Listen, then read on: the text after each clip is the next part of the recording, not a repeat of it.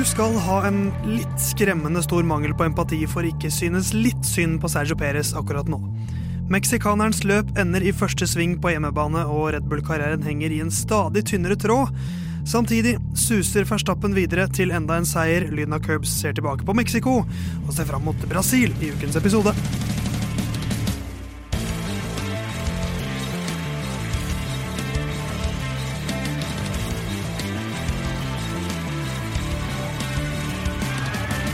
Tacolukta har lagt seg i Lyden av Curbs studio. Det har vært Mexicos Grand Prix. Vi skal se fram mot Brasil og samba-fotballen, eller samba-Formel 1-kjøringa som venter der, i ukens episode av Lyden av Curbs, som er den 79.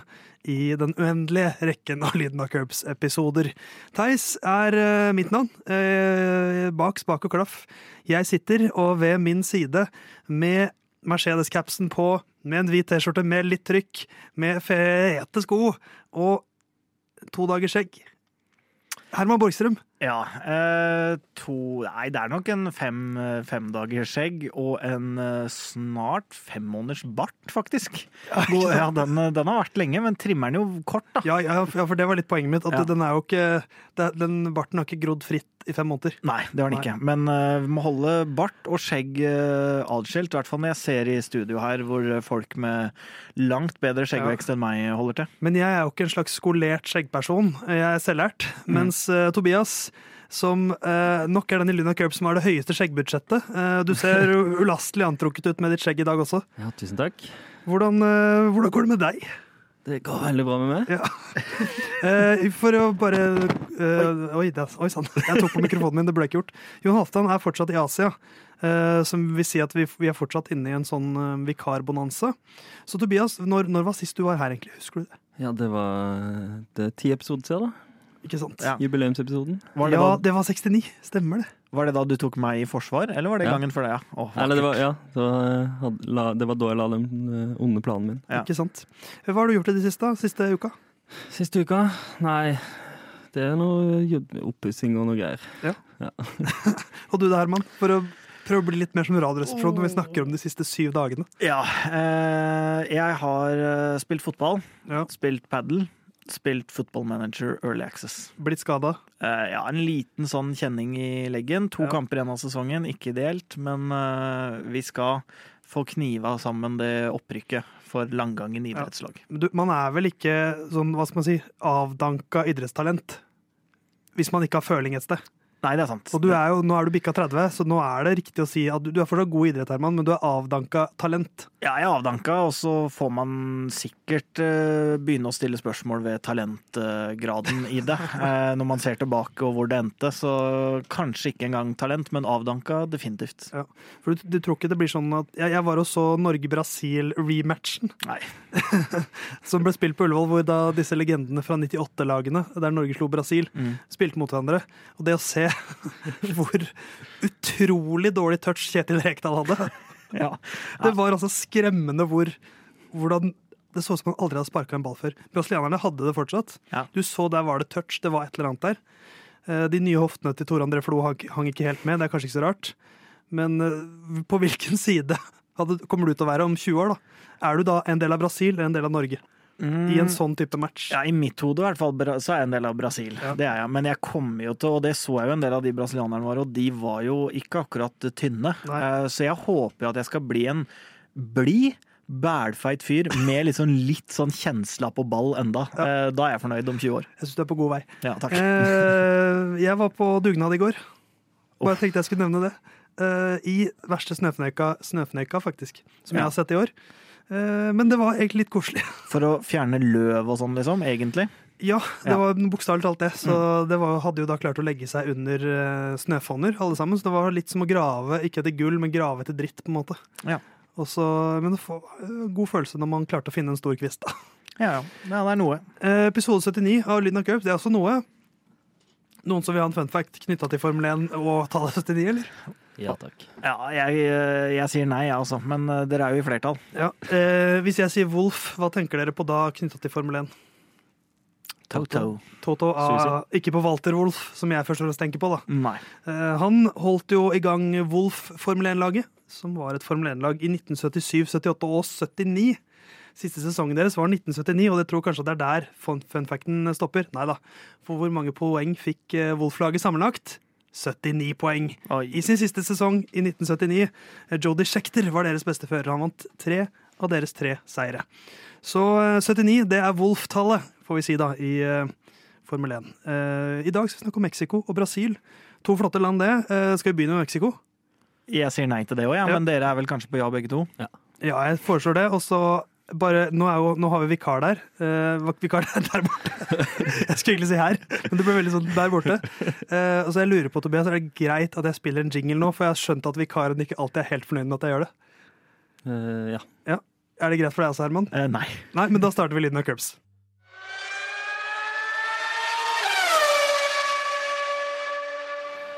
Det er eh, eh, alltid den spesielle Formel 1-introen da, eh, som eh, preger Mexicos Grand Prix. Mens eh, man skulle kanskje tro at det ga Sergio Perez litt ekstra giv. Kanskje var det det som gjorde at han fikk litt for mye giv inn i sving 1. Eh, Mexicos Grand Prix får vi se litt på i kvalifiseringen. Plutselig så er det to Ferrarier som eh, litt mirakuløst vis finner tempoet til Q3 og tar en front row lockout, rett og slett. eller Leclerc foran Sainz.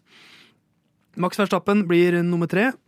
Mens eh, Ricardo er oppe på fjerdeplass, eh, veldig symbolsk foran Checo Perez. Hamilton, Piastri, Russell, Bottas og Joganyu. Kan vi nevne også da at Leonel Norris eh, bommer i Q2.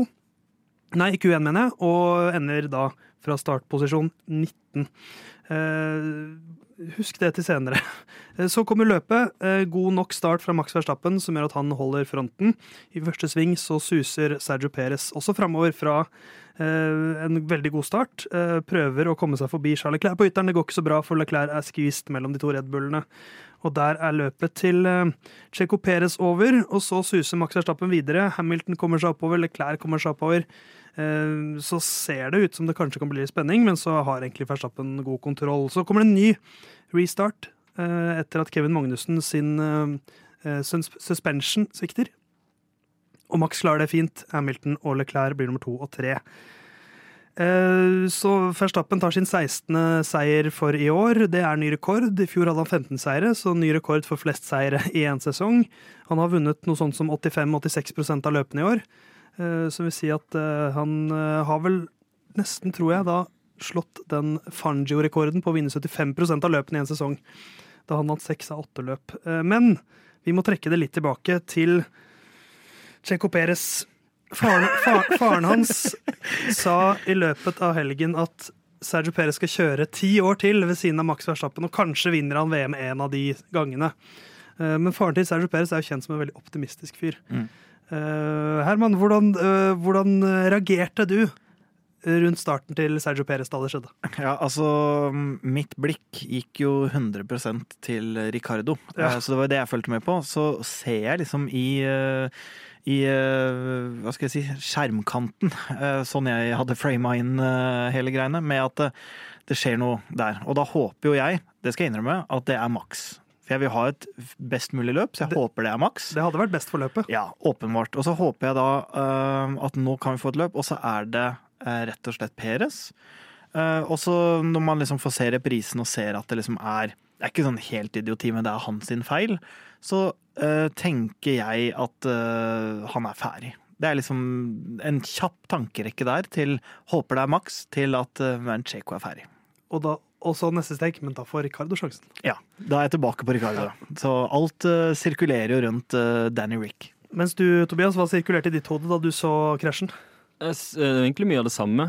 Jeg tenker sånn det Det var en kjempedårlig søknad for, nytt, for uh, å beholde setet til neste år. Også en kjempegod søknad fra Ricardo. Eh, og det uh, Jeg blir jo glad for det, da. Ja, for det er to Ricardo-elskere som sitter i studio her. Uh, Peres sier jo selv etterpå, han blir spurt liksom hvem sin skyld er det, så kaller han det en racing incident. eh, sier at han tok en sjanse, eh, måtte betale for det. Eh, og at han sier at han trodde at Leclerc kom til å bremse tidligere, fordi Leclerc var bilen som havna i midten der, og da ser man ofte at det er den bilen som trekker seg litt. Men eh, det skjedde jo ikke her. Eh, tok en sjanse, måtte betale for det, men er ikke det litt idiot litt dust også. Jo, det er jo det. Og så tenker jeg også at liksom, når man ser det han, altså den manøveren, og så hører det han sier, så tenker jeg jo for det første at det er veldig sånn Det er et modent intervju. Det skulle jo for så vidt bare mangle. Han er jo en uh, godt voksen kar som har vært i, i gamet lenge. Men det er jo liksom et modent intervju, og jeg kan på en måte skjønne refleksjonene. Jeg kan skjønne hva han tenker med at ja, men nå går jeg for det, og alt det her. Men i den situasjonen han er i, og alt sånt der, så tenker jeg jo ikke at det er fornuftig. Det gjør jeg jo ikke. Men jeg syns jo egentlig det er ganske sammenlignbart med den Hamilton hadde på Russell, bare at det var lagkamerater, da. Men han er jo på en måte sånn Han prøver jo å gå i en voldsom fart på utsida, og så på en måte går han inn for tidlig. Og det er jo hans sin feil, men det er liksom ikke så idioti som det på en måte blir seende ut. Litt Nei, så- sånn som Hamilton. Så er det jo liksom nå eller aldri for han da. Mm. Og hvis han hadde faktisk klart det, så hadde det vært en kjempeprestasjon. Kjør, bare liksom ta fra femte til første Ja, ja. i starten der. Så han er jo nødt til å ta noen sånne sjanser nå hvis, det skal, hvis han skal øh, få sitte der han sitter. Men øh, altså, jeg får veldig vondt av han her, da. Ja. Når det er liksom Når du er på hjemmebane Hørte Og- bare høre et publikum, for det, det var Ja. ellevill jubel hver eneste gang Peres var eh, i kvalik, under treningene, bare Peres suste forbi. Og den jubelen i starten da Peres kom forbi der, Mm. og måten det stilna. Ja, åh, ja. si det. Ja, men Som kynikeren, da, så syns jeg jo ikke Jeg, jeg klarer ikke helt synd, synd på den. Men jeg syns på en måte Jeg anerkjenner og, og gir han på en måte creds for det intervjuet han gir, da. Det syns jeg var veldig sånn modent og en bra måte å hvis man først har driti seg ut på å gjøre det. Og så er han jo etterpå borte ved Pitwall der og får armen rundt seg av eh, Christian Horner og sånn. Og så fikk jeg jo et litt artig sånn meme-bilde av Ole, hvor det er en løve som holder rundt en sånn antilope eller et eller annet, eh, rett før man skal angripe. Og sammenligna det med det her, da, at eh, Horner er løven som legger armen rundt antilopen og sier liksom det her, det her går fint. Christian Horner hater sikkert ikke å bli sammenlignet med en løve. Jeg Nei. meg som type som liker sånne sammenligninger. Uh, Louis Hamilton sa jo i Cool Down Room etter målgang, der han sto og småprata litt med da, Verstappen og Leclerc Oh, he did a me in Qatar. eh, som jeg syns var gøy. En gøy kommentar fra Hamilton, for det var jo ganske lik situasjon. Eh, og mens da Peres sitt løp varer i ca. null svinger, så er det en Daniel Ricardo i sitt fjerde Formel 1-løp i år som tar fjerdeplass i kvalifiseringen og blir eh, var vel nummer seks til slutt. Eh, nei, nummer syv holdt på å bli nummer seks, for han holdt på å ta inn George Russell. Som sleit veldig med varme i dekkene og bremser og det ene og det andre på slutten. Det er Eh, beste til, til Alfa Tauri Ja. i år, da. Ene og alene så hopper jo Alfa Tauri opp eh, over på tabellen pga. den prestasjonen. Eh, Så timinga kunne jo ikke vært dårligere her. Eh, Hva, hva syns du om Ricardo her da, Tobias? Jeg, eh, er imponert. Jeg er overraska. Mm. Ja, jeg jeg, jeg liksom Jeg håper jo at han skal gjøre det bra. Eh, men jeg er liksom sånn litt lei av å bli skuffa òg. Mm. Ja, ja. Så jeg, jeg, nå er jeg så vant til å bli skuffa at uh, nå ble jeg egentlig mest overraska over at han plutselig gjorde det så bra. Ja. Jeg synes det var kult. Og jeg er nok, må jeg innrømme, liksom Satt og gråt, Herman. Nei, jeg gjorde ikke det. Men eh, under kvalik så var det ikke så langt unna. Det syns jeg var forferdelig moro. Men det jeg på en måte er mer overraska over enn Ricardo her, er jo faktisk den bilen. For det var jo et eller annet som plutselig fungerte. Man så jo den farta um, Sunoda hadde også. også um, Sunoda holder jo på å kjøre seg opp, er like bak Ricardo i løpet.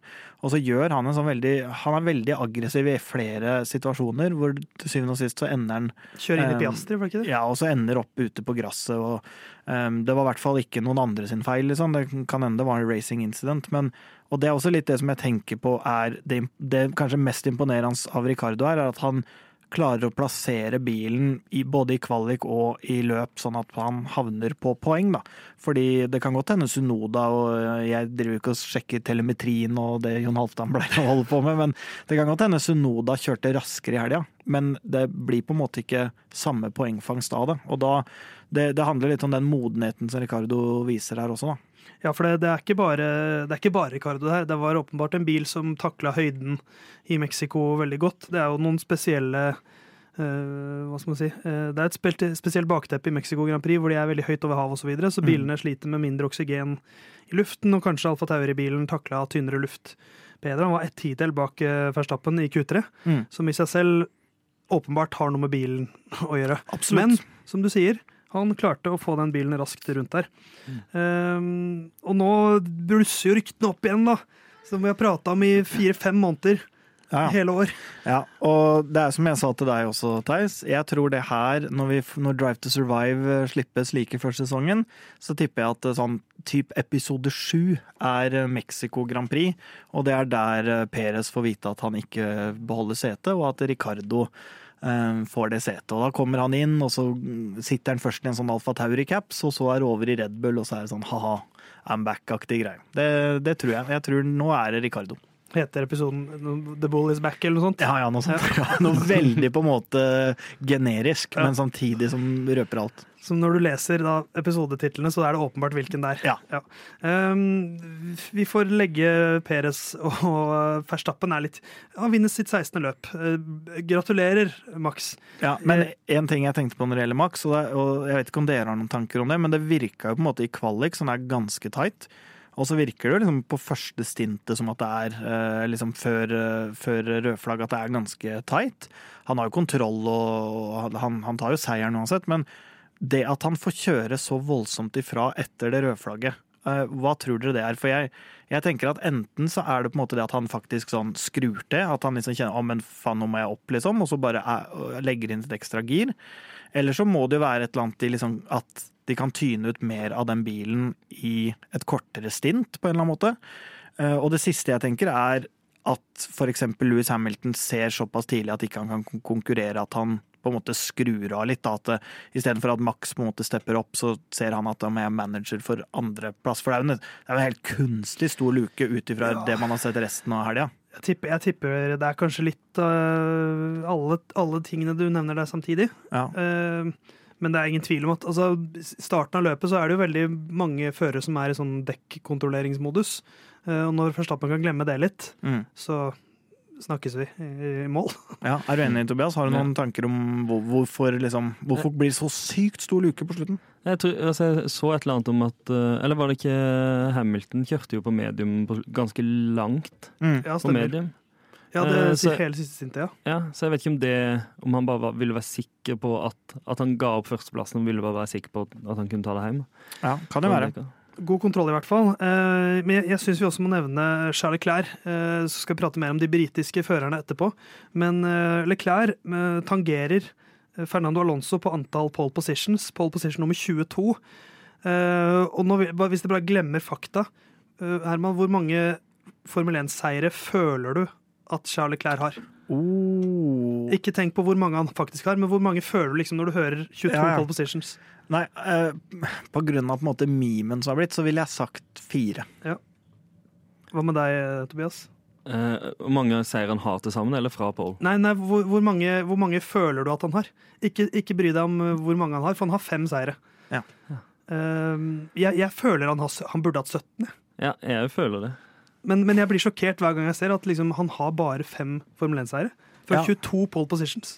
Og Nei. Max Verstappen har vel vunnet sånn 10-12 ganger fra en Leclerc-pole her uh, igjen, da. Ja, ja, for jeg er litt prega av den, av den memen. Da. Ja, men det er så, jo en meme. ja, så jeg kunne nesten på en måte sagt at han hadde, at han hadde null, Null. seire. Ja, på en måte, for det har liksom blitt en greie at uh, Leclerc on pole, da vinner han i hvert fall ikke. på en måte. Så, men han kunne jo hatt så mange mer, og mye har liksom vært uh, Mye har vært bilen og sånn, men det er jo en del på han òg, da. Men Ja. det er en sånn Det er noe råtalent inn der som bare er sånn sykt raskt, men det virker nesten som det ikke er så anvendelig på en eller annen måte. Nei, det, men det er litt som den Ferrari-bilen, at både Leclerc og Sainz var jo sjokka etter at de ble nummer én og to i kvalik. Eh, For de hadde slitt sånn med å finne riktig vindu. Så jeg tror vel det er litt det som går igjen med den Ferrari-bilen, at den er veldig fintfølende. Det er som en Stradivarius-fiolin. At du må være Arve Tellefsen for å kunne spille den riktig.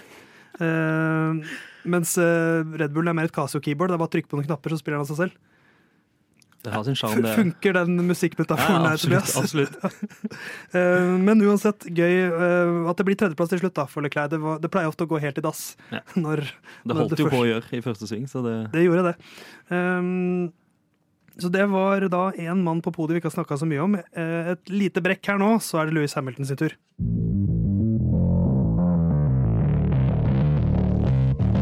Louis Hamilton han startet i eh, posisjon 6 på start, mens Landon Norris starta i posisjon 17. Hamilton kjører seg opp til eh, andreplass. Landon Norris kjører seg opp til femteplass. Eh, to briter som var i fyr og flamme, men Tobias, hvem, var, hvem brant heitest, syns du, av de to denne helgen? Jeg syns uh, Norris, jeg. Du syns Norris? Ja. Ja. Jeg syns det er fett altså, å kjøre seg opp så mye. Det, er jo, det koker jo litt av den prestasjonen. Uh, samtidig så kjemper jo han på en litt sånn åpenbart at den McLaren-bilen var rask. Han sa selv i intervjuet etter målgang at hadde jeg starta i en bedre posisjon, så hadde jeg vært på podiet. Mm. Uh, så sånn sett så er jo han litt Kjører jo rundt noen sitting duck der. Hvem syns du var mest imponerende, Herman? Um, jeg syns det er veldig imponerende race av uh, Norris, men for min del så må jeg på en måte slå sammen de to, og da syns jeg jo Hamilton. Selv om det hvor langt bak han havner maks, er jo på en måte ja, Det er jo litt sånn stusslig, egentlig, med Louis, men samtidig når når Norris choker eh, Han sa han var predicted pole, egentlig, da. Eller altså han liksom var i nærheten av å kunne komme i pole position, og da på en måte ender opp på en eh, 20.-plass eller 19.-plass. Um, det, det holder ikke for meg, rett og slett, så jeg er uenig med vår kjære vikar her.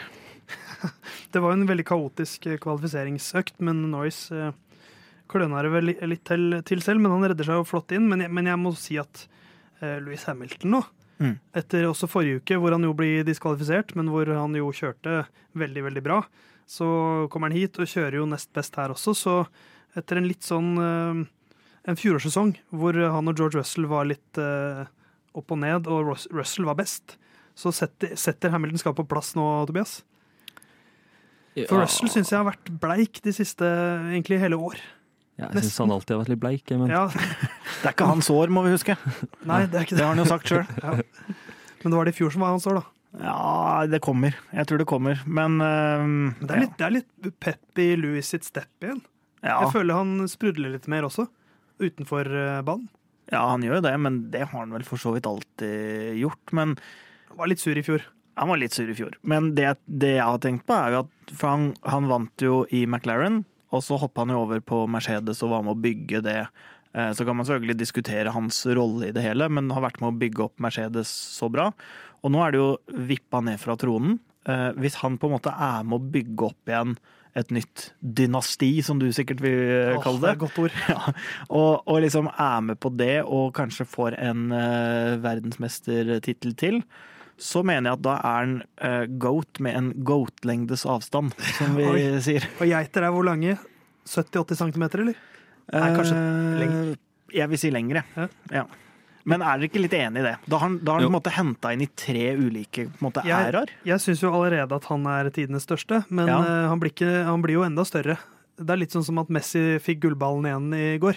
Han blir ikke, altså det bare gjør at den diskusjonen er ikke Det blir ikke en diskusjon hvis uh, Hamilton tar en tittel til. Nei, sånn, ja. Ja, det er jeg enig i. Ja. Ja, det er ikke det for nå, nå, nå, kan han jo, nå er det lettere å, være, å kunne diskutere eller argumentere for at uh, Schumacher fortsatt er den Mm. største. Men hvis han tar en til nå, som ikke kommer bare rett etter den forrige, Mm. så er jeg enig. Ja, da, er liksom, da, er, da tror jeg til og med Jon Halvdan skal applaudere eh, Louis Hamilton. Men det kan godt hende at innen Louis får sin neste, så har Max allerede tatt ni. Eller noe sånt. Ni på rad.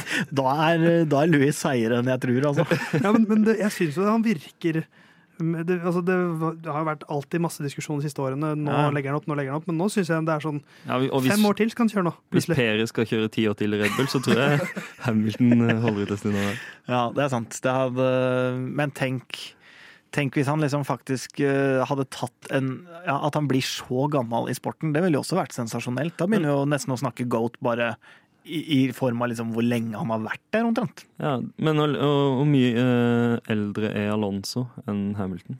Jeg lurer på om det er en fire år eller noe? Ja, det er ikke mer. Nei. Jeg føler det er mye mer. Ja, ja, ja men Hamilton sånn i, i form av på en måte eh, den profilen han er, og popkulturen som på en måte kommer rundt den, så, så kunne jo vært den yngste på en måte på, Ja. på griden også. Louis blir 39 før neste sesong starter, altså i januar. Mm. Så, men han, han lever jo også litt som en uh, asket nå, har jeg inntrykk av. Ja. Uh, før tror jeg, har jeg inntrykk av at det var litt mer uh, har alltid levd ganske asketisk, men nå føler jeg at han ikke gjør noe annet enn å være veganer, ha hund og kjøre Formel 1. Han fester med hun der norske spetalen innimellom. Ah, Det minst interessante jeg vet om, er eh, rik dat eh, milliardærdatter eller sønn avbildet med kjent person. Men det er ikke det dette, er ikke det dette programmet handler om. Eh, men eh, tilbake til Formel 1. Nå er det 20 poeng mellom Perez og Hamilton. Eh, hadde det da ikke vært disk forrige uke, så hadde det vært så å si likt. Um, og nå kommer Brasil, som er en sprinthelg. Ekstra mange poeng å kjøre for. Um, Louis Hamilton elsker den banen, eh, og Perez har ikke vært på podiet på nesten to måneder.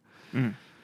Ja, altså Hamilton er vel uh, bortimot halvt brasiliansk i blodet, sånn som han holdt på sist i hvert fall. Da var det jo det var jo ikke måte på hvordan han uh, Er han ikke noe Jeg tror han er noe sånn der uh, Han er noe æres... ja, et eh, eller annet sånt der. Ja, han er virkelig han, Ikke bare han liker Brasil, der, der er han godt likt, han òg. Ja.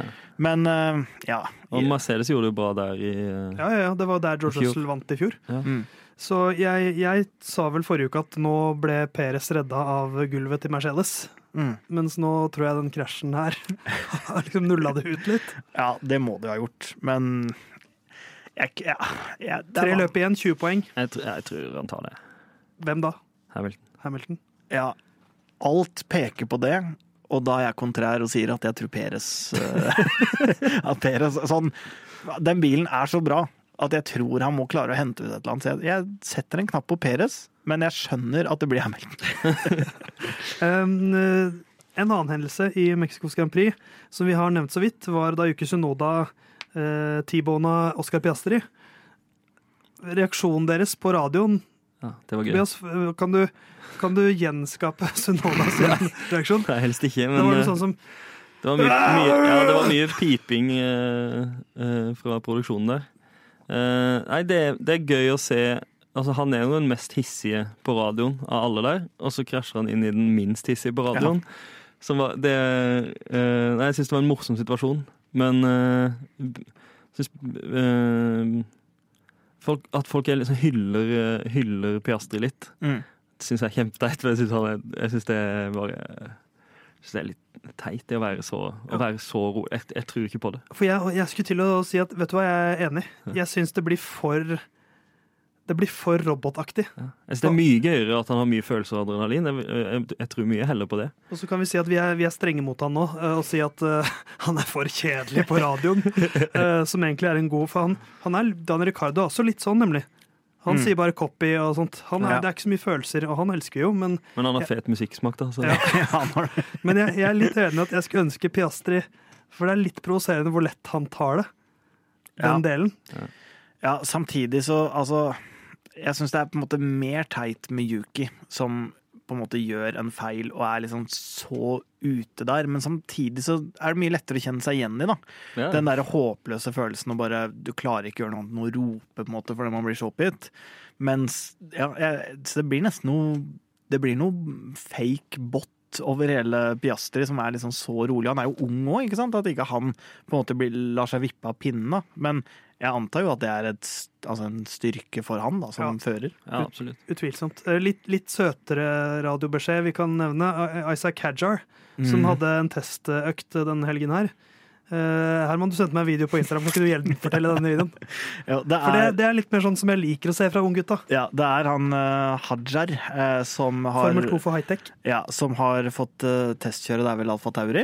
Og så har han gjort det, han kjørte long run og gjort um, en bra test. Og så får han beskjed om at nå, kan de liksom, ja, nå kommer Hamilton bak, og de skal skru av, og liksom nå er det ferdig. Og så ender det liksom opp med at han Hajar får lyst til å kjøre opp til Hamilton og vinke.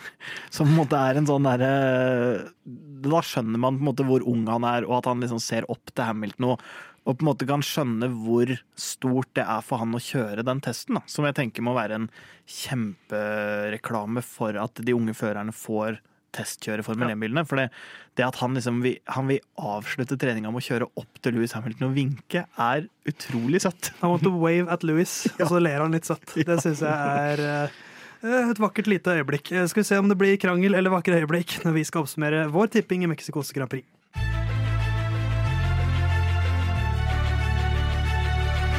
Lyden og Curbs sin tippekonkurranse den eh, går vi ikke glipp av i dag heller. Det er Før hvert Formel 1-løp så tipper Lina Curbs de tre beste. Og vi tipper også ukens sjuking, som skal være en vill hendelse som vi håper skjer, eller kanskje ikke håper, men som vi prøver å spå at skal skje i løpet av helgen. Eh, hvis du tipper eh, riktig navn på riktig plass på topp tre, så får du tre poeng. Tipper du Verstappen på andreplass, men han vinner, så får du ett poeng. Eh, og så er det 20 poeng da for uh, ukens sjuking, mens den som er nærmest, får ett bonuspoeng.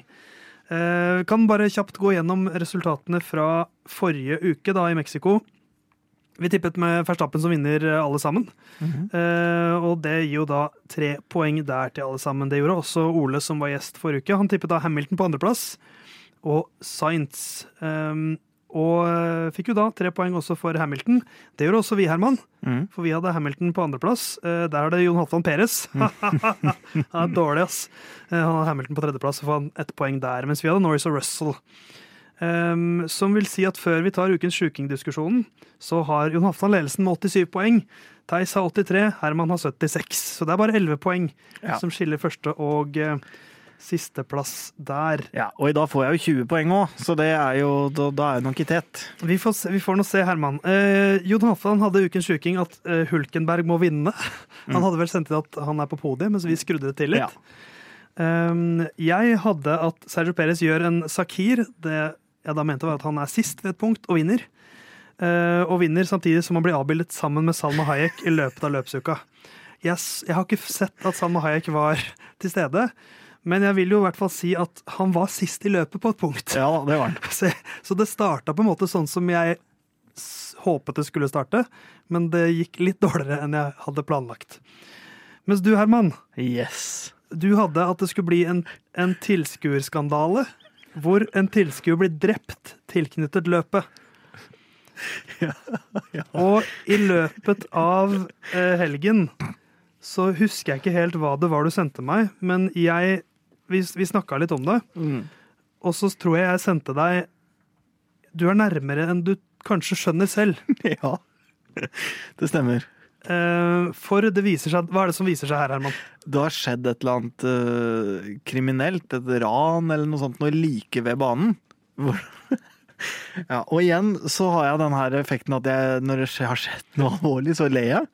Men der hvor rett og slett da en tyv blei skutt av politiet rett ved banen. Ja, eh, det, var, det hadde vært et, et, et, eh, et ran eller noe sånt, og så var det en bil som hadde blitt stjålet. Mm. Som da hadde blitt stoppet faktisk sånn bare noen hundre meter fra banen. Mm.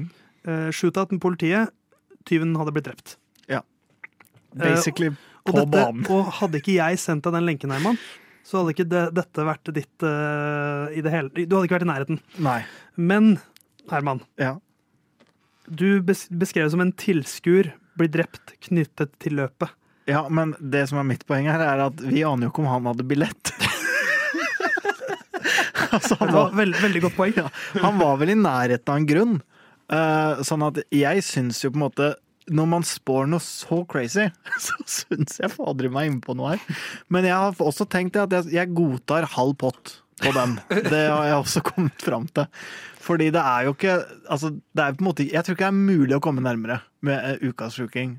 Men altså, det er jo det er drap på banen! Men, men da, er, da, da blir det jo Altså for den, den eh, autodromen i Mexico City den ligger veldig nære Altså den ligger midt i byen. Ja. Så at du da tipper noen blir drept i Mexico City, Nei, nei. det er eh, Nå skal ikke jeg bli helt Helmut Marko, men det er da større sjanse for at noen blir drept der enn på Zandvoort, for eksempel. det... Så det, det er ikke en helt vill spådom, Nei da. sånn egentlig. Jo, hvis, at hvis det spådommen din er nærme. noen blir drept, ikke så langt unna banen. Nei da, men her, altså, det, er så, det er spektakulært nærme. Ja. Og så, som sagt, for alt vi vet, så var jo han der tilknytta løpet. På en måte. Eller Ja. skulle være. Men dette, det er ikke kontrafaktisk vi opererer her. Men, men, jeg skal, men vet du hva, Herman? Du er, du er også nærmere enn du kanskje vet på et annet punkt. Oi. For det har sirkulert noen videoer av en, uh, en Ferrari, to Ferrari-supportere som altså blir angrepet Oi, av en uh, det vi får tro er Checo Perez-fan. På tribunen, what? hvor han bokstavelig talt denger løs på disse Ferrari-gutta. Jeg husker ikke om det var i kvalikdagen eller om det var i løpet, men da sur på Ferrari fordi de ødela for Checo. Um, Ja, nå ser jeg der, faktisk. hvor, hvor det, og det er ordentlig slag. Ja. Ja, det er jo nesten en tilskuerskandale, vil man kunne si. Så, så hvis en av de som hadde blitt angrepet For det gikk jo da bra med de, og han har blitt banna for life, han som slo. Eh, Men hvis det hadde gått Hvis en av de som ble slått, hadde snubla, datt, eh, eh, falt, hodet, falt og slått hodet eller noe sånt, mm så kunne du faktisk ha fått 20 poeng. Men hva, hva tenker du, Tobias? Du, du Ja. som er gjest her. Nå er det, nå er det eh, eh, tilskuerskandale, og noen blir drept. Ja, er det ikke Er ikke det nærme? Men, men Herman, ja, det gøy med, jeg syns halv pott hadde vært gøy. altså. ja, men, men vi kan ikke, nå kan vi ikke endre reglene så tett opp mot uh, sesongslutt. Men jeg er enig i at dette må vi ta med oss inn i neste sesong. At vi må ha en slags gradering, kanskje.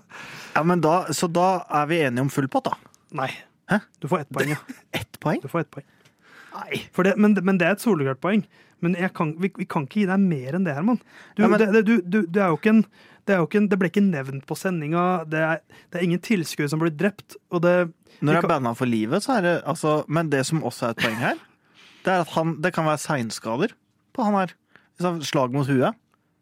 Kan hende han der eh, som er tilskueren ryker med anytime. men vi, får, det vi da får gjøre, Herman, er at hvis så skjer, og du finner ut av det, så får vi revidere det. For jeg som sykkelfan vet at resultatet kan man endre i ettertid. Ja, men da Jeg, jeg vil ta til orde for at det her er en avstemming verdig. Blant folket. Eh, Blant våre lyttere. Alle stemmer jo mot meg hver gang uansett. Så det vil være Herman, meg og Tobias. Herman, det er ikke sant. Lytterne elsker deg. Um, jeg tenker at du får ett poeng, jeg. Og så får du ta til takke med at du var ganske nære. Ja, det er verdiløst Men for vi får også ta til takke med at ingen ble drept på arenaen, i hvert fall. Uh, mer, mer tipping senere, så får vi se om Herman uh, er i enda mer offerrollen da. Men uh, du er nærmere Jon Halvdan. Ti poeng opp, det er mulig å hente inn.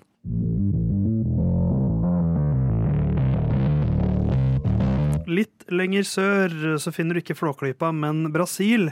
Vi skal til Sao Paulo og eh, Interlagos. Et eh, velkjent formelsted, får vi kalle det. Der Erna Alain Prost har flest seire, seks stykker. Michael Schumacher og Carlos Reutemann har fire. Fettel og Hamilton har tre. Mens eh, Max Verstappen han har bare vunnet én gang. Det er dårlig, ass. Han er ræva, ass. Han er ræva ferdig. 2019 har ikke vunnet på mange år. Uh, Louis Hamilton og George Russell har vunnet de to siste. I fjor det var jo liksom det rare løpet på høsten hvor plutselig Mercedes var best. Mm. Uh, men Herman, Yes. Interlagos det er jo en bane som du kjenner godt. Så kan ikke du ta oss gjennom Interlagos fra hukommelsen? Det kan jeg gjøre. Eh, Jeg er veldig spent på hvordan lytterne reagerer på det segmentet her. Ja, så for det, dette gjør jeg mest for min egen del. Ja. det er gøy å se deg slite. litt. Ja. Så da kan jeg, Men jeg vil gjerne ha en tilbakemelding på det, Ja. hvis vi kan få det. Um, og skjermen min den er fylt av Football Manager, så jeg har ikke juksa med noe. Så la meg ta eh, starten. Eh, ikke sånn superlang start. Eh, veldig krapp sving venstre, veldig krapp sving høyre. Ny slette, blir på en måte en ny sånn startstreke. Så er det en ny krapp sving venstre, og så er det bånn gass. Kult å si det. Eh, Før det litt sånn fortsatt en ny krapp sving til høyre. Og så er det ned, og så er det en sånn derre En dryg, langdryg sving mot venstre. Oh, ny mot høyre. Ned en bakke. Mot venstre. Opp en bakke. Opp start målstreket. Ferdig. Det er, eh, det er ganske bra, det der, altså. Men glemte jeg en sånn der Du glemte den siste 90-graderssvingen, Ja, eh, som er den som tar deg ut på det lange strekket hvor du da har bånd gnu. Ja. Du som lytter da, Tobias, hvordan er det å høre på Herman gjenfortelle fra hukommelsen? Ja, jeg, jeg, jeg satt bare prøvde å se det for meg, men ja. Jeg tror ikke jeg hadde gjort noe bedre sjøl, nei. Nei. Men det er, det er en bane som kjennetegnes på høydeforandringer. Mm. Det er store høydeforandringer. Den er, den er rask. Eh, Det er en bane som førerne liker veldig godt å kjøre selv. Og det er også en bane som eh, ofte fører til ganske morsomme løp. Og um, nå har vi sett et par ganger at Red Bull ikke er like klasse for seg selv som de har vært store deler av sesongen. Det er, det er jevnere nå. Jeg føler at maks må liksom, feilmarginen hans blir eh, mindre og mindre. Ja. Så da er spørsmålet kan liksom McLaren med Norris on fire eller noe sånt, eller Mercedes, som selv etter USA virker å faktisk ha funket, de oppgraderingene. Det er ikke bare det lave gulvet som gjør at det, det gikk fort. Har du noe troa på et mirakel her i Brasil, Tobias? Ja, altså i, f- I fjor var det jo en del eh, kaos òg, mener jeg å huske. At det var, eller det var en del krasjing og, og litt sånn. Det føler jeg ofte det har vært der. Det er kanskje bare en følelse jeg har, men, eh, for, det var sånn i fjor. Men, men uh, jeg tror det kan være avgjørende nå òg. Det begynner å spisse seg til litt. Folk må liksom ha Det blir, blir dårligere tid å, å tjene poeng på. Så folk må gå for litt mer spesielt uh, Peres. Må ta litt flere sjanser, kanskje. Eh, eh, Hamilton vil sikkert ikke ha enda en sesong der han ikke vinner. Så han går kanskje litt hardere ut. Uh, Ricardo har òg en del å bevise, selvfølgelig. Så Mm. det er, jeg tror det er mange sånne ting som kanskje gjør at vi I hvert fall det her, kanskje alle tre siste løpa kommer, at det kommer til å bli en del mer kaos enn det har vært tidligere i sesongen. For Brasil var jo, det var jo sesongavslutningen før. Eh, Så det har jo vært mange hva skal man si, øyeblikk her med veldig høy puls og veldig mye som står på spill. Eh, 2008. Ja. Samtidig som det da er en eh, Is that Glock going slowly? Eh, er det, og så er det en, en, en bane som ikke er som Abu Dhabi-banen, som er eh, litt sånn dreper racinga. Dette er en bane som flyter veldig. Så sånn, når du har masse som står på spill, kombinert med Interlagos, så får du mye cool racing. Og nå er vi sent i sesongen. Uh, Peres, det var jo denne banen i fjor hvor uh, Verstappen ikke ville slippe forbi Peres. Mm. Var det ikke det? Jo, stemmer. Sympatiske Max. Det må vi jo nevne, Herman. Det hater ikke du at vi nevner.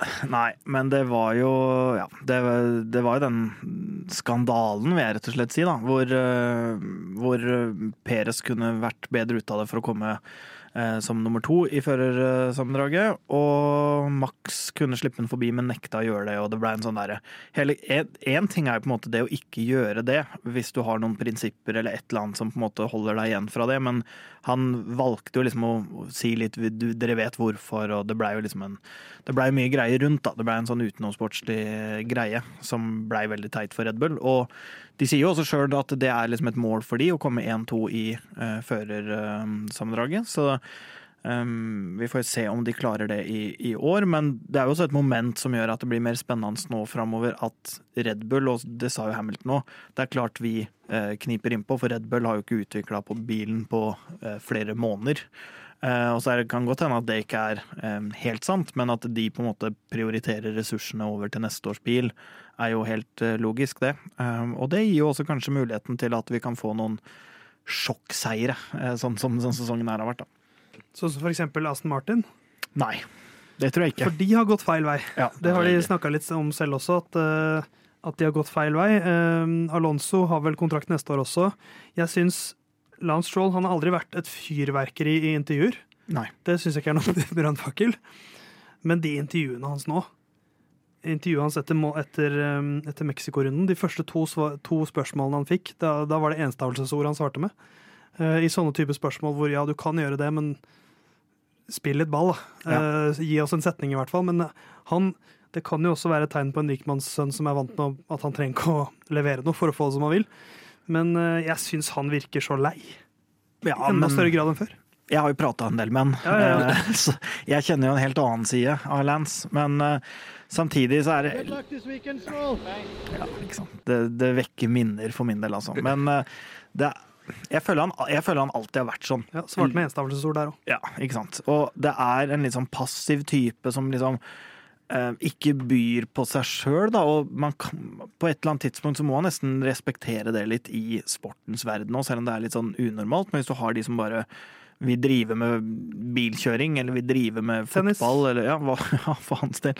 Men det er, man må liksom respektere det litt òg, men det gjør jo også at populariteten går ned, da, og kanskje særlig når, man, når resultatene uteblir, at man eh, da i hvert fall blir enda mindre populær. da. For, for han var jo ganske bra i USA. Der kjørte han seg fint opp og ble, ble nummer syv til slutt. og liksom det var, Der var det noe. Mens eh, Mexico var jo helt borte. og vi, Aston Martin har jo plutselig De og McLaren har jo diametralt motsatt sesonger. Nå, ingen som snakker om Aston Martin lenger, annet enn med negativt eh, fortegn. Så hva tenker Alonso nå? Det feite gliset hans husker jeg vi så mye på i starten av sesongen. Ja, han finner vel ut av noe lurt å gjøre, han. Spille tennis. Det er jo Jeg så det var noen som skrev et eller annet, jeg tror det var Instagram, eller hvor fader jeg så det, men at liksom nå er den syklusen med Alonso i gang igjen. da Kommer til et nytt lag, skamroser laget. eh, leverer resultater, begynner å gå litt dårlig. Han begynner å peke på laget. Eh, Alonso blir sur, Alonso finner seg et nytt lag-aktig greie.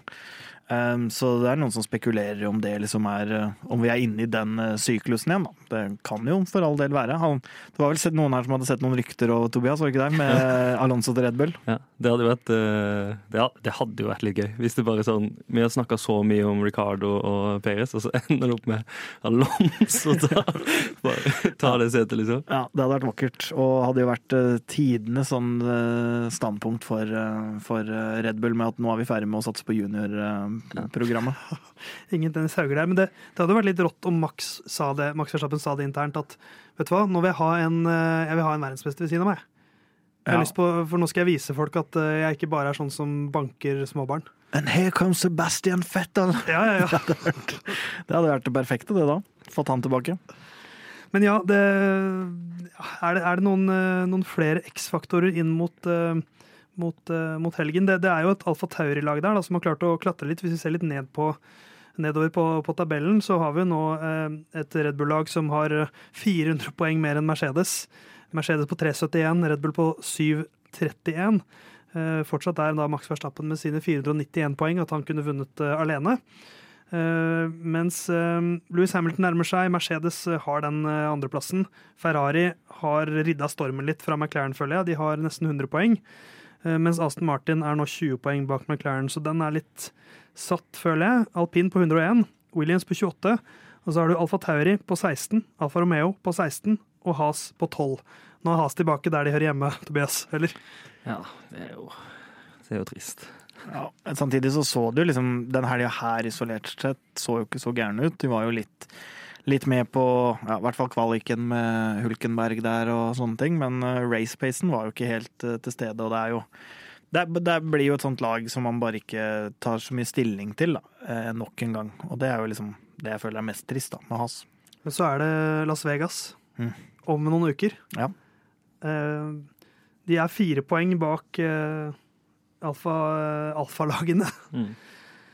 Men det er spennende å se hvor lenge de holder ut, da. For det er litt sånn de, de tåler jo å ligge på bånden år, år, etter år. Ja, Det er jo ikke noen konsekvenser, eh, annet enn liksom litt mindre penger. Men ja. Eh, så lenge de har backinga til Gene Haas, eh, og liksom, så kan man jo gjøre så dårlig man vil. Ja, jo, egentlig. Men, men, jeg syns jo det, de, altså den helgen her er jo de, de, så ganske bra ut i USA. Var ikke langt unna poeng der. Mm. Uh, Mexico, 13.-plass på Hulkenberg. Det ble jo en, eh, en, car failure for eh, Magnussen, så det gikk som det gikk. Men, men det virker som den oppgraderinga de kom med til USA, hadde noe for seg. Så kanskje de kan ta poeng i Interlagos. Vi får gå til tippinga vår og krangle mer der.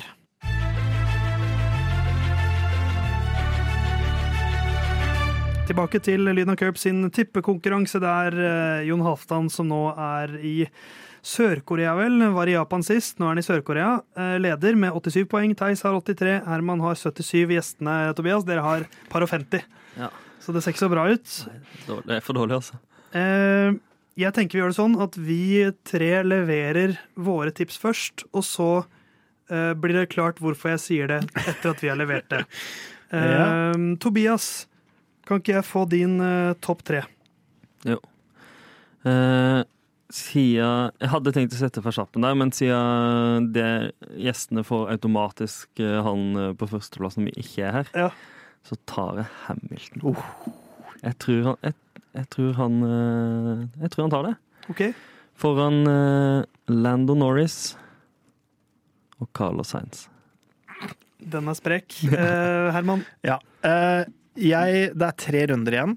Jeg får jo ikke de poengene jeg skal Eh, på noe tidspunkt. Så jeg må rett og slett opp og rote med pallen for ja. å få de poengene jeg fortjener. Så jeg har Hamilton på første, jeg òg. Uh. Uh, og så har jeg Russell på tredje. Og så har jeg Max på andre. Og jeg uh, velger å fortelle om pallen på den måten. Kreativ måte å lese det opp på. Ja. Um, jeg har lest litt gjennom tipsene våre fra tidligere.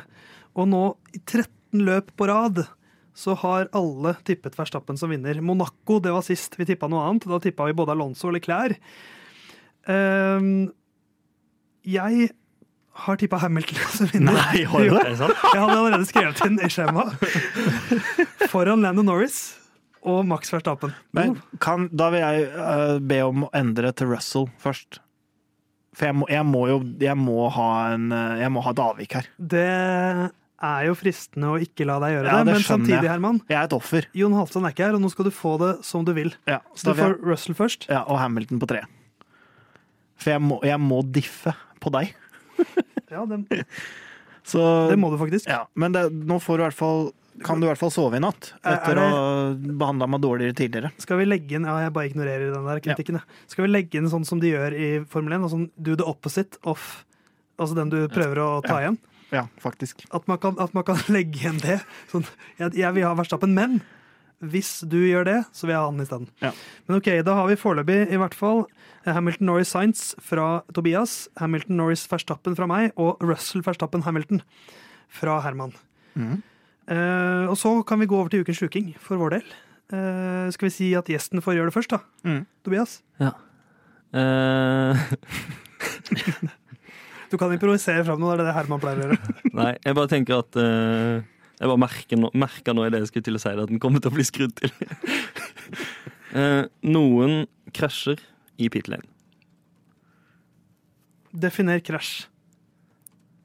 Definer pit lane. Eh, Krasjer som i at for, for Jeg det- tenker den, den eh, forrige, den som skjedde nå i helga, med at, jeg, at han krasja den der uh, jekketralla, Ja. det er ikke krasj. Noe, noe på bilen må bli ødelagt. Krasj, for jeg, det vi har pleid det- å si, er at ja. krasj som fører til DNF Altså at, at det må skje noe i pit lane som gjør at det ikke Men da, da kan det bare skje under løp, da.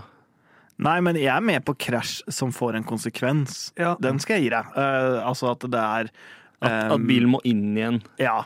Ja, ja. Eller men hvis det skjer på veien og liksom, en bil skulle ikke bytte vinge, Ja. krasjer i pit lane og må da Ja. bytte vinge, på en måte. En, en- enig. Uh, ingen av oss faste medlemmer hadde fått den godkjent, tror Nei. jeg. Men uh, for å gi gjestene en sjanse til å vinne sammenlagt Ja. Uh, Og det er jo lite sannsynlig at dette skjer. Det er jo helt sjukt. Det blir første gang i år, nesten. Så da er den godkjent. Krasj som får en konsekvens i pit lane. Ja. Den er eh, godkjent. Yes. Jeg hadde skrevet 'må bryte' i parentes, men da Ja, ja. slapp, slapp jeg billig unna. Du kjenner programmet, du, for det var rett i take. Um, er, det min, er det deg da, Herman? Det eller er min. Det er min. David. Eh, jeg har henta for så vidt sammen, eh, eller fram, fram sammen, eh, en klassiker. Så jeg har Bil i form. Uh, nå, nå bare tar jeg dere med på Dette er på lyden av curb-satire, dette. ja, nei, men jeg, Nå har jeg Bil i form, kommer topp fem. Uh, med interessant fører, altså Daniel Ricardo kommer topp fem.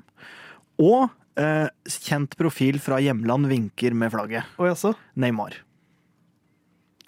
Så Ricardo topp fem og Neymar vinker med flagget. Um, ja Altså, Ricardo topp fem i seg selv er jo litt sannsynlig. Ja, ja, det er, Interlagos er mer en vanlig Formel 1-bane, på en måte. Um, og de var jo ikke topp fem i De er jo ikke, de er jo ikke Det har ikke vært topp fem i Nei, og selv, selv om man er tredje-fjerdeplass i kvalik, så tror jeg ikke det blir topp fem. Da blir det sånn sjuende-åttendeplass. Uh, så det er ganske sjukt i seg selv. Og Neymar vinker med flagget. Skal bare google kjapt.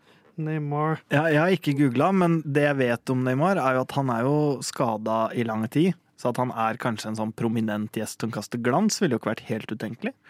Men eh, det er ingenting jeg vet om. Jeg kan ikke stole på det, selvfølgelig. Hvor, uh, hva, hva tenker du, Tobias? Er dette Jeg ser ikke noe problem med denne. Det er jo min støttespiller Hadde det nummer bare, én. hadde Ja. det bare vært en, eh, det, det flagget, så det, hadde det vært, kanskje vært litt for tynt. Men det er to, vel, to gan, eller en veldig usannsynlig ting og en ganske usannsynlig Ja, ting. det er det, vet du. ja, Nå skal jeg sjekke hva Neymar uh, har lagt ut på Instagram i det siste. Det, han sitter og gamer. Så det kan være hvor som helst. Ja. Uh, jeg godkjenner den, Herman. Ja, så bra. Uh, og den Tobias har godkjent uansett, så den er jo good. Ja, den er grei. Uh, og det som er litt sjukt, Herman, er at vi, vi, vi har tenkt likt her også. Oi, oi, oi.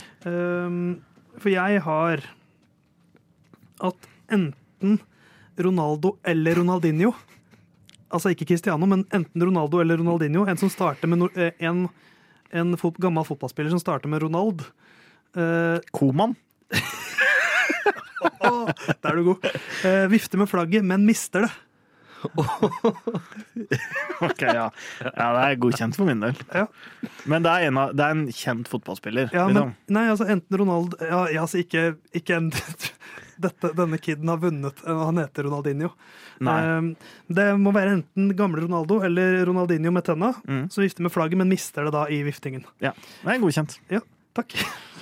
Uh, Men så, dere. For nå gidder jeg ikke oppsummere, for det husker du der hjemme. For vi må bruke litt tid på det her. Jon Halvdan Halvorsen Ja. har ghosta oss. Mm. Vi har ikke fått inn noe fra Jon Halvdan Halvorsen. Har det skjedd i Curbs sin historie tidligere? Nei. Nei. Det har det vel ikke gjort. Jeg, jeg, en jeg har fått inn noe lydklipp sånn ti minutter før sendinga, men Ja. det er da fortsatt før sendinga. Og så er det en gang jeg ikke kunne, men hvor det var varsla tidlig, og jeg sa fra at nei, det ble ikke noe. Ja. Jeg fikk ikke sendt inn. Men da sendte jeg eh, tipsa skriftlig. Og det, og det tror jeg du gjorde før sendinga òg. Ja, ja.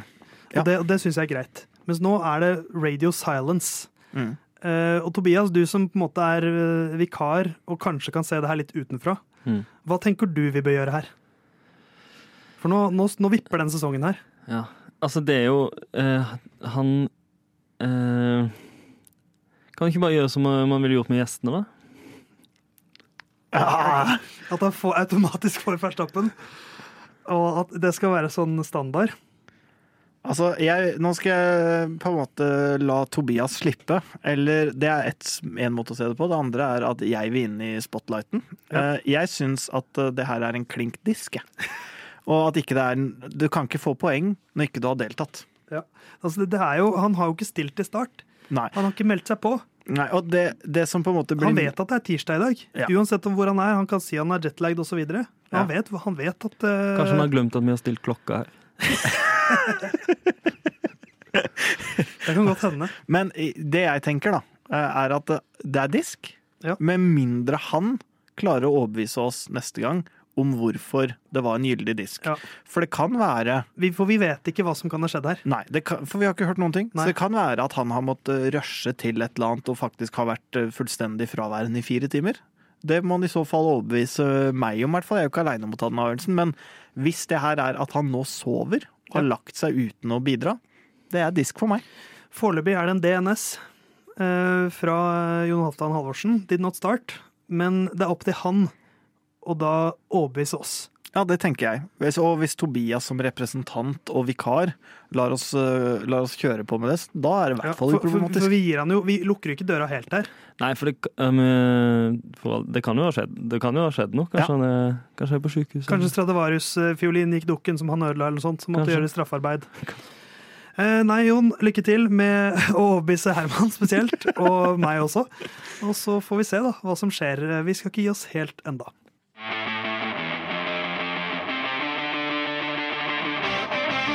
Før vi gir oss for denne gang, så skal vi enda lenger tilbake i tid enn Mexicos Grand Prix. Vi skal tilbake til Austin, Texas, og det er ikke feil, Herman. Nei. Nei. Eller Houston, da, som jeg pleier å plassere oss i. Ja, du har i hvert fall et problem. Ja. Um, F1 Academy hadde sitt siste løp for eh, denne gang i eh, Austin. Eh, det hadde ikke vi tid, ærlig talt, vi glemte det forrige uke, så det må vi ta opp her nå. Eh, og Tobias, Ja. du har falt litt for F1 Academy. Herman, Herman, kan ikke du late som at du ikke vet hva dette er? Eh, det kan jeg gjøre, for jeg, jeg aner ikke hva F1 Academy er. Jeg har hørt om det, og så vet jeg at det var mye føss rundt hun derre eh, Hvor var hun fra? Men i hvert fall som vant noe greier. Men om det da er kvinneklassen? Er det det? Ja. Ja, ok. Ja, for det, jeg har ikke googla, men da har jeg lagt sammen føss pluss føss. Eh, Tobias, kan ikke du forklare oss hva er F1 Academy? Ja, det, var, det er jo på en måte fortsettelsen av det som het W-serien. Eh, som er kvinne, kvinneserien, er satsinga. Eh, de kjører eh, tilsvarende Formel 4-biler. Eh, og hadde siste løpet sitt i Austin. Eh, jeg, jeg så på det. Syns det var veldig kult. Det er jo liksom Det er mindre bil, Bilene er en del mindre. For, Ser jo veldig Forfriskende små, syns jeg. ja, Ja, men sånn på, liksom- ekte, for, for Formel 2-bilen og Formel 3 de er fortsatt ganske store. Ja, de her er små, og de går jo ikke eh, Altså, det det er merkbart saktere enn det andre vi er vant til å se på banen, men det s- var kjempe, kjempespennende racing, og de hadde ikke De har ikke DRS, som uh, funka veldig bra. Som en sånn ting som uh, hvis, hvis man på et eller annet tidspunkt går bort fra, fra DRS i, i Formel 1, så er jo det betryggende Ja. å se uh, såpass bra racing med de bilene der, i hvert fall. Og denne sesongen uh, har jo foregått uh, gjennom året syv runder, hvor de har tre løp hver helg. Så det er mye racing også. Men dette, det som var spesielt med siste runden, var at det var et såkalt support race for Formel 1 støtteløp. Du som har fulgt mye Formel 1 on site, Herman. Hva, et hva, hva er et støtteløp? Det er jo at det arrangeres i tilknytning til hovedløpet eh, på henholdsvis eh, lørdag og søndag. Eh, og legges til rette for at på en måte, tilskuerne kan få med seg det også, da. Ja, eh, sånn som Formel 2 og Formel 3 eh, Ja. pleier å være. Mm. Eh, Mens de har jo hatt en lengre pause nå og er tilbake mot, mot slutten. Mens her var det da sesongavslutning for eh, F1 Academy første sesongen. Marta Garcia hun hadde en solid ledelse før eh, siste løpshelgen, og i første løpet så avgjorde hun. Eh, Vant med 278 poeng. Lena Buller fra Sveits nummer to og Hamda Al-Kabasi fra UAE nummer tre med 207 poeng. Eh, Og det er jo kjente navn som er lagene her. Campos Racing, MP Motorsport, ART, Rodin Carlin og Prema Racing. Så det er jo mange navn her som du kjenner godt fra Formel 2 og 3, Herman. Det er det som ligger mitt eh, hjerte nærmest. Ja. Um, men eh, det jeg skulle Jeg, jeg smilte litt for meg sjøl når du Når du leste opp på en måte de som uh, hadde kommet topp tre, Ja. og så sa du det er jo mange kjente navn her. Fordi den var jeg ikke helt med på, Nei, men så var det den, lagnavna, ja. Den, den pekte da inn mot lagnavnet. Ja, det skjønte jeg. Eh, For jeg skal ikke si at dette er førernavn som jeg kjenner godt. Nei. Men jeg liker veldig godt det, no, altså jeg, jeg elsker konseptet og initiativet, men jeg må bare hylle at de har kalt det F1 Academy. Mm. Fordi at det er et mye mer eh, Et navn som jeg tror trekker folk mye mer til seg enn eh, W-Series eller noe sånt. Mm. Bare det å ha F1 først, Ja. og Academy, det høres jo dritfett ut. Og så er det, så er det uh, kona til Toto Wolff, som, Susi. Som er sjef for uh, hele serien. Um, så jeg føler liksom Jeg føler det er ganske stor forskjell på satsinga nå, da, Mm. kontra dobbeltserien. Ja, og de gikk jo tom for penger og noe greier òg, Ja. den Det var åpenbart ganske nedprioritert, men nå føler jeg det liksom ja, Jeg tror det er veldig bra jeg, å få og, og det de har gjort nå, å endre navn og, og Mm, ja. ha litt mer fokus. Og er jo det å sende det liksom på FN-TV og, og ha det samme helga som Formel 1.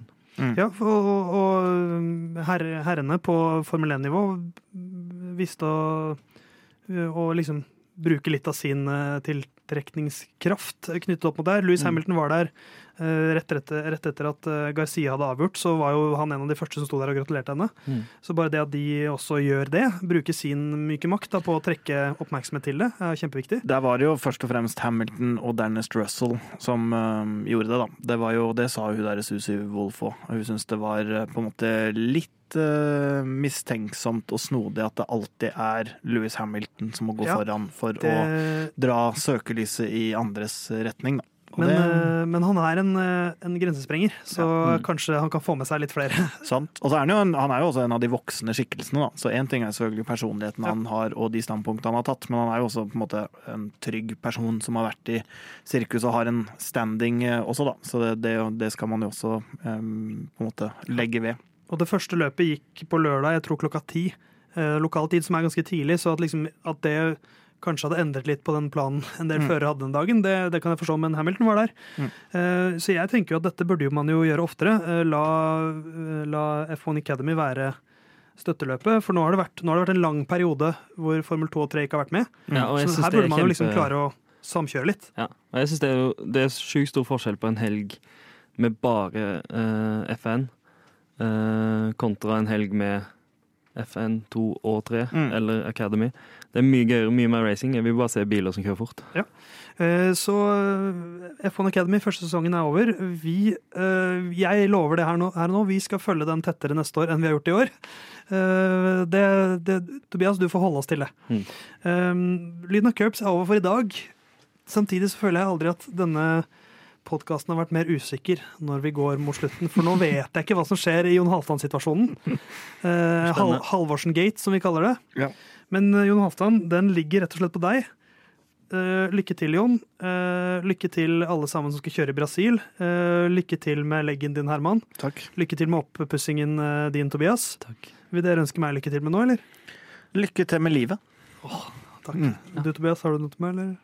Lykke til med livet. Dere er så kreative, gutter. Deg der hjemme, jeg har lyst til å ønske deg lykke til med livet. Linda Kaups er tilbake om en uke.